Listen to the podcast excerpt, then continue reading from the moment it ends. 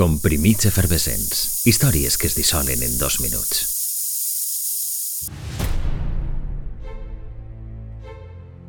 Consultor financer i agent de borsa. Un perfil difícil d'associar amb l'esperit d'aventura. Però en el seu cas la combinació funcionaria. Feu una fortuna immensa i la va destinar a activitats tan diverses com extraordinàries i amb èxit. No seria el seu últim ni l'únic rècord. Un 3 de març, Steve Fawcett es convertia en la primera persona en fer la volta al món volant a soles, sense escales i sense repostar.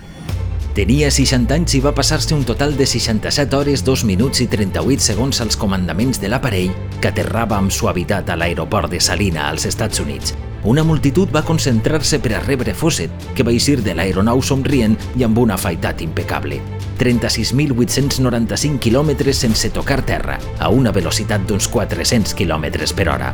Va partir de la terminal de Salina per a travessar l'Atlàntic, solcar el cel d'Anglaterra i sobrevolar el Mediterrani, part d'Àfrica, Àsia, el Pacífic i l'oest dels Estats Units. El punt d'inflexió que marcaria l'èxit o el fracàs del trajecte arribà a mitjan camí. El combustible començà a ser escàs i la immensitat del Pacífic obligava a prendre una decisió. A pesar dels dubtes, Fawcett assumí el repte i es llançà a sobrevolar l'oceà. En el seu brillant currículum ja figurava haver travessat el canal de la Mànega nadant o haver fet la volta al món en globus aerostàtic. Este milionari se n'apuntava una més el 3 de març de 2005.